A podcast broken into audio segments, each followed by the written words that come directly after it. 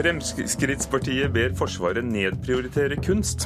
Internett utvides med over 1000 nye toppdomener. Snart kan folk glede seg over domenenavn som .gay og .wine, men de som allerede forvalter .com, advarer. Og herlig stilbevisst og virtuos åpning av Moldejazz, sier vår anmelder. Og Det er sakene her i Kulturnytt i NRK P2 med Ugo Fermariello i studio, en del av Nyhetsmorgen. Det brukes altfor mye penger på kunst i Forsvaret. Det mener tidligere befal og medlem i forsvarskomiteen for Fremskrittspartiet, Peter N. Myhre. Soldatene i Nord-Norge, hvor det brukes mest penger på kunst, støtter Myhre. Hva dere vanligvis bruker kulene her til? Hvis vi bruker dem, så er det jo til å speile oss. Altså, det er jo det de er mest praktiske til. da. Okay. Hvordan funker det hvis du har dårlig tid og sånn? Er det veldig lett å stikke bort dem? eller? Det er kanskje letteste løsninga. Magnus Granli, som er menig i Skjold militærleir i Troms, forteller hvordan de bruker de store, blanke boccia-kulene av metall som lyser opp gressplener. I Setermoen militærleir brukes menneskefigurene som står i bøyde posisjoner, til litt artige bildemuligheter. Det er blitt litt forskjellige stillinger, for å si det sånn. Ja, Borterst der står vel i en tilnærmet ja. Du skjønner. Så det er, liksom, det er først og fremst kunsten hatt betydning eh, for dere her? da, At det går an å tøy, tøyse litt med det? skal du si, Ja, stort sett. 80 av tiden så er det snø overalt, så da ser du ikke uansett. Så det er, det er der, og vi legger ikke så merke til det, egentlig. Og det var Thomas Hoppland, Andreas Helle og Kristoffer Kvam du hørte der. Opptil 2% av summene som brukes på statlige bygg, skal gå til kunst. Det høres ikke mye ut, men det blir fort noen millioner kroner. Fra 2013 til 2017 skal det brukes minst 8 millioner kroner på kunst i militærleirer, opplyser Forsvarsbygg til NRK. Vi har jo nettopp fått internett på kaserna vår, og det tok jo nesten et helt år å skaffe seg nytt eh, internett så er det litt bittert at pengene da blir brukt på kunsten her, da, og ikke på vår velferd. Petter N. Myhre er i utenriks- og forsvarskomiteen på Stortinget for Frp. Som tidligere befal i Forsvaret stiller han seg kritisk til å bruke penger på unyttig kunst i militæret. Jeg mener det bør være riktig å prioritere Forsvarets primæroppgaver når man eh, skal bygge opp et eh, troverdig forsvar som kan spille en rolle i Nato. Mange soldater mener at det blir eh, kjedelig å sitte på brakka om kvelden når det er veldig dårlig internettforbindelse, og bare det er et, en oppgave som jeg synes Forsvaret må få løst så fort som mulig. Forsvarsdepartementet skriver i en e-post til NRK at kunsten bidrar til å skape et bedre miljø for dem som er i Forsvaret. De jobber hele tida for å styrke velferdstilbudet for soldatene, men poengterer at pengene til kunsten ikke går utover det budsjettet. Menige som Tila Sofia Kroken ser stor nytte av å ha kunst i leira. Det er jo tross alt bostedet til en stor andel av ungdommene. Så det at man da gjør om området de bor på til en litt mer omgjengelig sted å være, det er ikke noe galt i det hele tatt. Tvert imot. Jeg tror det kan hjelpe mye mer på hvordan de har det generelt i hverdagen, og trivsel, ikke minst. Og reporter var Rune Eian. Ester Maria Bjørneboe, kunstner som akkurat har hatt oppdrag for Forsvaret. Hva syns du om det du har hørt? Jeg må si at Siste taler er jo veldig to the point her. da. Hun sier jo noe om hvordan kunsten faktisk virker på de som omgir seg med den. og Det er et veldig poeng, godt poeng at kunst er også en viktig del av velferden.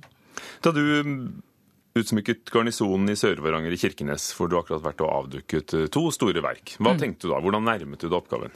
Ja, altså jeg har hatt nær kontakt med brukerne altså, og forhørt meg hvordan de har det. rett Og slett, og så snakke litt om hva de føler de trenger. Og så er det selvfølgelig at jeg kommer med mine ideer. Eh, det har vært et nært samarbeid. Hva laget du? Jeg har laget eh, to ganske svære monumentalverk. Ett på ti ganger tre og ett på fem ganger tre. Som er i messa. Eh, det ene til, til eh, befalsmessa, det andre til menigmessa. Hvordan tenker du at dette virker inn på livene deres?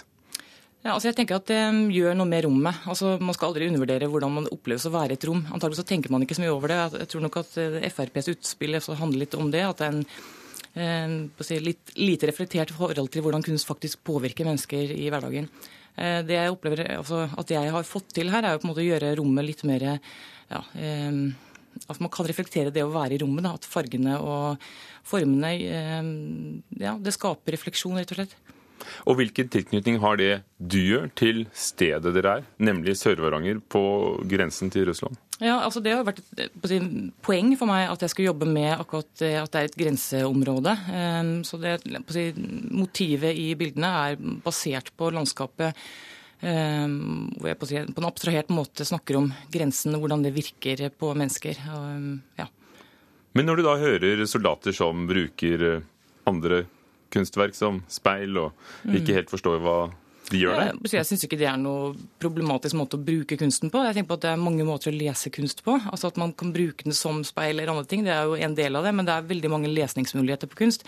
At, altså Det at man kan bruke det sånn praktisk er en løsning. Men en annen ting er at det, man bruker det antakeligvis uten at man merker det. Altså i, ja, i tankevirksomheten sin. da. Men når noen soldater heller vil ha bedre internettdekning, selv om vi hører at det er fra et annet budsjett uansett, eh, men Fremskrittspartiets eh, mann i komiteen, eh, Peter N. Myhre, ønsker å nedprioritere kunst i Forsvaret, hva vil du si til ham?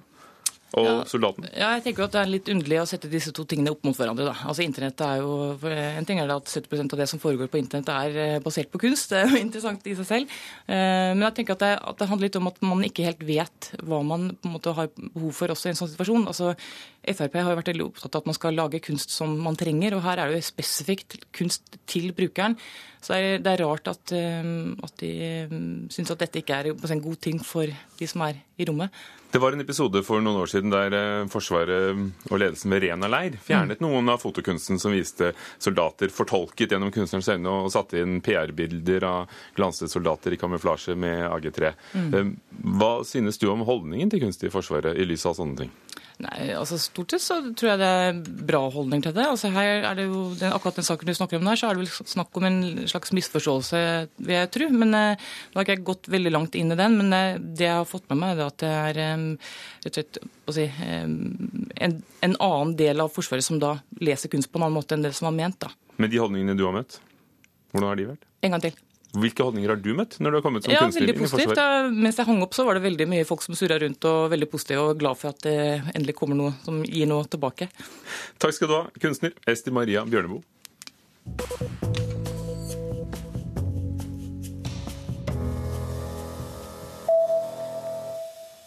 Norge får ikke overta kopien av Per Krogs bilde fra Sikkerhetsrådets sal i FN. Under oppussingen av salen de siste to årene har FN brukt en kopi av rommet, kunsten inkludert. Norge har bekastet renoveringen og ønsket å overta kopien av Krogs bilde for å henge det opp i på en skole i Grorud i Oslo til minne om Trygve Lie, FNs første generalsekretær. FNs regelverk sier at det ikke er mulig å dele ut eiendom de har ervervet til et medlemsland, og Krog-kopien vil derfor bli destruert, skriver Aftenposten. SV-leder Audun Lysbakken synes det er spennende at spionsiktede Edward Snowden er nominert til Nobels fredspris. Det er den svenske sosiologiprofessoren Stefan Svalfors ved universitetet i Umeå som nominerer ham til fredsprisen, skriver Dagsavisen. Lysbakken mener Snowden har åpnet øynene til verden for det massive potensialet for overvåkning som finnes, og trusselen det innebærer mot personvern og ytringsfrihet. Og olje- og energiminister Ola Borten Moe vil velge sine egne kommunikasjonsrådgivere dersom han sitter som minister etter valget. I dag er det informasjonsavdelingen i departementene eh, en del av byråkratiet, men Moe påpeker at det nesten alltid handler om politikk når han snakker med pressen. Derfor er det naturlig at PR-rådgiverne også er politikere, sier han til Klassekampen i dag.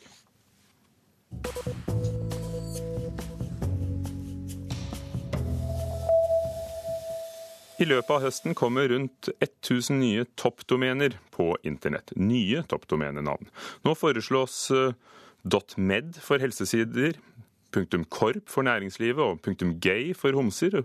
Wine for eh, vininteresserte osv. Hvordan dette skal bli, blir diskutert på en konferanse i Durban i Sør-Afrika denne uken. This is an historic day for the internet, because the internet is about to change forever. Rod Backstrom i organisasjonen ICAN, som administrerer utdeling av internettadresser, kaller det en historisk dag, da han for ett år siden presenterte noen av de nye domenene som skal komme. For nå kan en snart få et domenenavn som sier noe om innholdet, t.d. kasino eller buy, eller et firmanavn i stedet for punktum .com eller no. Dette ligger i ICANs politikk, som eh, vi eh, fra vår side ikke er spesielt begeistret for. Eh, fordi utgangspunktet skulle være at det skal være konkurranse for .com. Og det er veldig bra. For de trenger helt sikkert konkurranse. Men å åpne opp alle dører på vidt gap, det vet vi jo ikke konsekvensene av. Anne-Beth Lange i Norid, som driver registeret for norske domenenavn, er i Sør-Afrika på en konferanse for å diskutere den nye ordninga. Hun deler bekymringer med flere utenlandske aktører, som mener det vil bli kaos med omlegginga av toppdomener. Lange mener det er åpna for for mange domener, og at det vil bli vanskelig å sortere ut hvem som skal få bruke dem. Det er ganske store problemer med mange av de navnene det er søkt om. Det er mye geografiske ord det er eh, varemerker. Og da sier det seg selv at det er mange interesser her som, eh, som står på spill. Andre ting er jo religiøse betegnelser, f.eks. Som dot islam. Skal det være eh, restriktivt, altså slik at det er bare noen som kan komme inn i det? Eller skal alle få lov? Kan, kan man legge hva som helst innhold ut på disse sidene? Så kommer det eh, om dot book, dot wine, som det også er en del problemer med. For vinprodusentene ønsker at det skal bare være kvalitetsprodukter under det, osv. Så, denne, denne historien er ikke avsluttet. Og Reporter her var Maria Pile Svåsand. Torgeir Waterhouse, direktør for internett og nye medier i interesseorganisasjonen IKT Norge. Hvordan forandres uh, internettverden med denne utvidelsen av toppdomenene? Først og fremst så blir den større og kanskje mer spesialisert. Altså, Eksempelet vi hørte her med .wine Eh, man kan få domener, eh, toppdomener som, som, tydelig sier noe om hva, som, hva, du kan finne under der. Eh, mens i dag så er jo alt helt generisk. Og så får man mange sånne spennende diskusjoner som dette her, da, altså i forhold til hvem som eier da, et toppdomen til slutt, og hvilke kriterier skal de sette for å, for å kunne ha sider under det. Noen kommer til å kjøpe toppdomenet for å bruke bare for selskapet sitt. NRK kunne hatt f.eks. .nrk, og alt under det hadde vært NRK-innhold. Eh, eller andre kjøper det sånn som .wine eller .cars eller .hva det måtte være, for å selge videre kommersielt. Og der har du jo da som et stor, ny verden av ubrukt land, hvor noen kan tjene mye penger. Men hvem er disse noen som da vil få pengene som selskaper og andre vil betale for å bruke toppdomenene? Altså er, du kan godt dele det i to. Det er eh, De som gjør en rent praktisk nødvendig teknisk jobb for at dette skal fungere, kommer selvfølgelig til å måtte ta betalt for å kunne gjøre jobben. Eh, men de som virkelig håper å tjene store penger her, det er jo de som skal, eh, som skal ha, få tak i lukrative toppdomener og skal selge rettigheter til de videre. Det kan være igjen da f.eks. .wine. Det kan være veldig lukrativt for eh, store vinselskaper å være under det. Og da har de dette toppdomenet. Men hvordan blir noen tildelt det privilegiet å administrere punktum wine, eller punktum gay, eller punktum hva som helst? Ja, det, det ble gjort av, av ICAN, som er, nå har denne store konferansen i Durban som jo er den organisasjonen som, som består av stater, myndigheter, private aktører, private organisasjoner, NGO-er osv. fra hele verden, som sammen meisler ut hvordan dette skal håndteres. Og, og, så har man en periode hvor nå eh, innledningsvis hvor de som ønsker det, kan søke om å få rettighetene til toppdomener. De bare rapporterer inn hva de har lyst til å ha. Og så har man en prosess da, for, å, for å komme fram til hvem som skal få det, dersom flere ønsker det samme. Og hvis, eh, hvis, noen da har fått et sånt domene, så kan de selge det videre og lage vanlige domener under det toppdomenet, sånn som under .no og .com i dag. Og det kan de ta betalt for. Ifølge Washington Post er eh, selskapet Verisign, som bestyrer eh, .com, .com eh, bekymret. Eh, hvorfor er de det? Er de bare redd for å miste sin egen forretning? Jeg tror det er to hovedspor hos de. Det ene er det du er inne på. så det, Dette her kommer selvfølgelig til å påvirke hvordan både privatpersoner og selskaper og, og offentlige myndigheter registrerer nye domener. Om de går til .com eller .no eller .casino eller .gay eller .wine eller hva det måtte være. Og dermed kanskje også redusere etterspørselen etter .com, som Verisign har. Det er den ene siden av det. andre siden av det er eh, at de peker på helt sånn reelle praktiske og tekniske utfordringer. Men de praktiske og tekniske utfordringene er i all hovedsak under kontroll. Så det er, ja, det er noen utfordringer der. Hva da? Hva kan skje? Hvor galt kan det gå? Ja, altså, kort fortalt, man kan, hvis man gjør dette feil, da, hvis ikke man lykkes med en god implementering, så kan jo internettrafikken bli forstyrra. Altså, du kan få problemer med å komme fram til en nettside dersom dette ikke gjøres riktig. Og Det handler bare om at man må i riktig rekkefølge ut, altså rulle ut den nye informasjonen til alle disse, det som kalles navneservere rundt i verden, som gjør at du og jeg kommer fram på internett de systemene som oversetter nrk.no til den IP-adressen serverne her faktisk har, som gjør at jeg kommer fram. De systemene, de systemene må på plass. og de må rydde, altså, Ryddig og strukturert må man rulle ut en ny informasjon og nye måten å gjøre dette på, sånn at alt fortsetter å virke. Det kommer til å gå bra. Kan selvfølgelig være en hiccup her eller der, men man har kontroll på dette i all hovedsak. For dere i IKT Norge og IT-bransjen Norge, er det en god idé å få så mange nye toppdomennavn? Det skal komme rundt 20 i uken fra høsten av? Ja, jeg tror, jeg tror det er i hvert fall et veldig spennende initiativ. Og så får vi se om, om, det blir eh, så spennende og så verdifullt som mange håper på, eller om det blir nok en serie med domenenavn som ikke har så altfor mye å si, som noen påpeker. Jeg tror det er viktig at man, at man, tør å eksperimentere og gjøre sånne ting som dette her, og jeg tror det kan komme mye verdi ut av det. Eh, og så får vi se. Men det er i hvert fall et poeng å gjøre det. Takk skal du ha, Torgeir Watras i IKT Norge. 18,5 minutter over åtte er klokken blitt øre på Nyhetsmorgen i NRK P2. Hovedsaken i dag. Det offentlige bør hjelpe donorbarn med å finne røttene sine, mener Bioteknologinemnda. For to år siden fikk Maria vite at hun var donorbarn. Eh, for meg sjøl så er det ikke så utrolig viktig å vite hvem min biologiske far er, men å kanskje finne andre halvsøsken som også er donorbarn, hadde vært eh, både spennende og interessant. Narkobaron er pågrepet i Mexico. Arrestasjonen av Miguel Angel Trevino Morales, også kjent som Z40, er en stor fjær i hatten for meksikanske myndigheter i deres krig mot de brutale narkobandene i landet. Tollvesenet tror eh, turister selger smugleralkohol i Norge for å finansiere ferien, og senere i Kulturnytt skal vi høre hvordan det gikk under åpningskonserten i Molde i går kveld. I 40 år har de spilt dukketeater for barn på Hovedøya i Oslo. Der har teatret leid kommandantboligen siden 1970, men nå er det slutt. Den etter hvert aldrende truppen i Arjuna, Arjuna dukketeater pakker sammen og rydder ut tingene sine, og etter så mange år er det en omfattende jobb. Nå må du bare komme inn og se. Har vi noe Hun må få lov å se dukkene våre. Ah. Altså, du må sette på hodet til Tor. Det Dette skal vi ha med oss og har tenkt å spille la oss si på Ekebergsletta eller noe sånt. Marit Gjerstad er og har vært primusmotor i Arjuna Dukketeater siden starten. Det er Thor, og her har vi Frøy og Odin. De ligger der borte hodene. Ja. Jeg tenkte bare du skulle se det. Når ble de brukt sist, da? Det var i 96, tror jeg det var. Så det, har var stått på loftet her. Med dukkene har de fortalt myter og eventyr for tindrende barneøyne i over 40 år.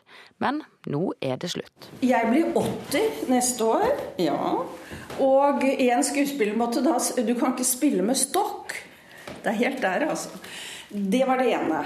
Det er vårt. Men så var det det at plutselig skulle Oslo kommune sette opp det skulle være vanlige utleiepriser. Og det ville ikke vi ha penger til. Vi har jobbet gratis i 41 år, vi.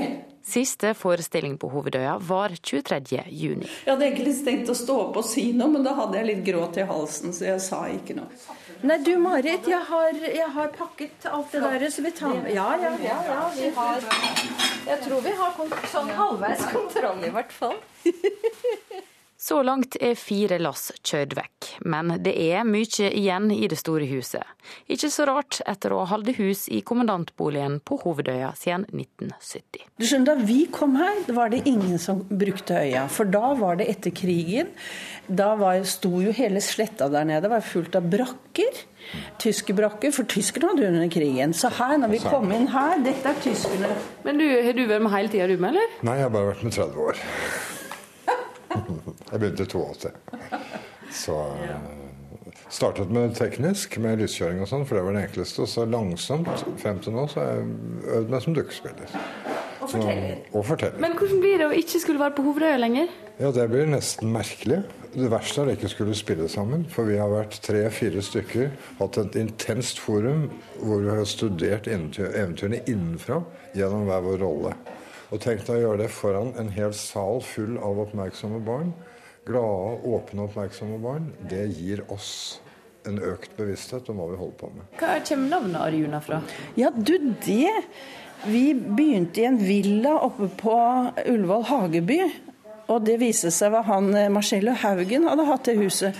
Og så på en sånn liten foran vi var oppe på en sal som vi brukte til eh, teater og bygget, og jeg sto på lage den første til reise seg den tyngste i Norge, tror jeg, men i hvert fall gjorde det. Da sto det Arjuna Det heter Arjuna, egentlig. Og det visste ikke vi hva betød engang. Det er navnet på de, Det var i Mabaharata. Så han er en av Det er han som går ut i verden fryktløs. Så det er oss.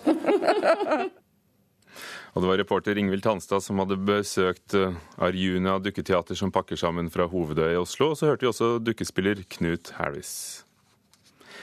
Det bør bli strengere krav til brannsikring av kirker og andre kulturminnebygg. Det mener KA, kirkelig arbeidsgiver og interesseorganisasjon. De siste årene har det vært flere store kirkebranner i Norge, bl.a. i Porsgrunn. 14.4.2011. Brannmenn forsøker å slokke brannen i Østre Porsgrunn kirke, men det lar seg ikke gjøre.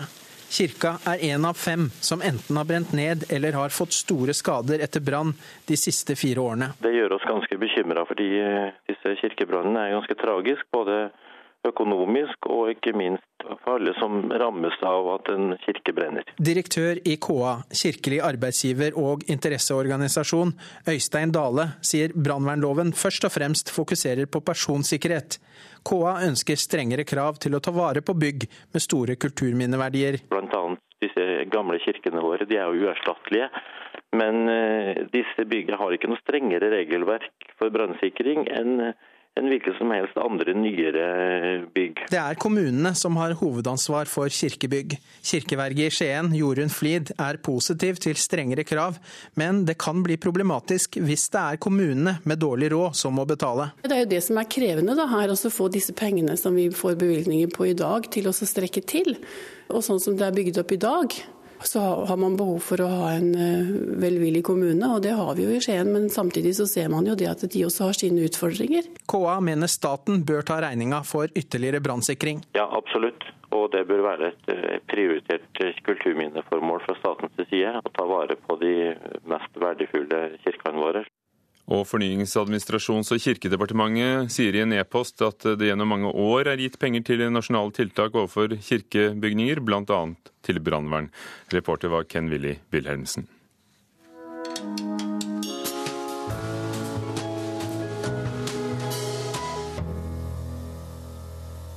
Det var regn og kuling, men likevel store forventninger i Molde i går pga. årets gjesteartist under åpningskonserten, ikke minst Jason Moran fra USA. Han stilte med sin faste trio i går og fem håndplukkede norske musikere. Og denne konserten den kan man høre i NRK P2 i ettermiddag, så i påvente av det, NRKs jazzanmelder Erling Wiklund, la oss få høre. Hvordan var konserten? Hugo, jeg må si at det, det, var ganske storartet. Jeg er veldig lei for at vi ikke vi kan spille en smakebit nå, men stormen har stilnet der i Molde. Det har også elektrisiteten til vår opptaksbuss. Så eh, ja, litt tålmodighet, men jeg kan love altså det blir en stor opplevelse. Eh, et veldig morsomt prosjekt. Den 38-årige Jason Moran han griper altså dypt tilbake i den moderne jazzhistorien til året 1959, da Morans store forbilde her på jorden, Thelonious Monk, ga sin berømte konsert med timannsorkester i New Yorks Town Hall. Og Dette plateopptaket fra den konserten det ble jo en klassiker. Og det Moran gjør, det er at han rekonstruerer konserten live med projeksjon av fotografier fra konserten og fra Monks liv for øvrig, og med lydopptak av Monks rufsete stemme. Og det hele blir da satt inn i vår tids klangverden, hvor altså norske toppmusikere er med og levendegjør Thelonious Monk om igjen. Det er jo litt av en idé han har hatt, men har han også lyktes med den? Altså, Ideen er jo stor. Fallhøyden er jo tilsvarende stor. da. Og det er klart at med to korte prøver så kan vi ikke forvente at den norsk-amerikanske versjonen her i Molde skulle på noen, gang, eh, på noen måte overgå originalen. Altså Denne Town Hall-konserten den er jo helt ekstatisk. Og de mange som kjenner denne plata godt, de vil nok føle at det butter lite grann på flere ting. F.eks. små unøyaktigheter i Morans notetranskripsjoner og litt for treigt tempo i enkelte låter, kanskje. Og en amerikansk bassist som var litt bakpå rytmisk og gjorde at det sakket der det kanskje skulle virkelig ta av og svinge. da. Men blåserne stilles jo også på ekstreme styrkeprøver når Munch utforsker mulighetene i det å gjenta en frase om og om igjen til besvimelse. Ja. Det, det, det, må jo være ganske spesielt å da bli utfordret av denne Jason Moran, og, og, og hvor du appåtil skal spille noe som det finnes enorme forventninger og et plateopptak av. Men vil du si at det å være på konsert ga noe annet? Ga noen andre høydepunkter? Ja, altså du, du, må jo ta det for det det er, og det er jo der og da. ikke sant? Det er Jazzens idé er jo at det improviseres. Og det som skjedde på konserten, var jo en masse gnistrende soloinnslag fra de norske musikerne, ikke minst. Og selvfølgelig Jason Morans herlig stilbevisste og virtuose pianospill. Det var en, en introduksjon som skapte forventning, og han skal jo gjøre fem konserter til. Så vi kommer til å følge ham gjennom uka. På denne åpningskonserten så var det kanskje ja, Hvis jeg kan trekke fram en uh, ved siden av Jason Moran, så kunne det kanskje være trombonisten Kristoffer Kompen. Han er jo kjent som tradjazzmusiker. Her ga han altså en helt praktfull tolkning av intrikate eh, Munch-ballade-toneganger. Klokkereint, varmt, overlegen takling av vriene akkordrekker. Det var rett og slett imponerende det Kristoffer Kompen leverte. Men, men, det er sånn ikke sant, at alt dette kan vi høre eh, i, i kveld klokken 19.30 i NRK P2? Til de grader klart. altså Hvis ikke de får uh, musikken på lufta da, da kan vi ta vår hatt og gå. Nå er jeg dønn alene i Molde by.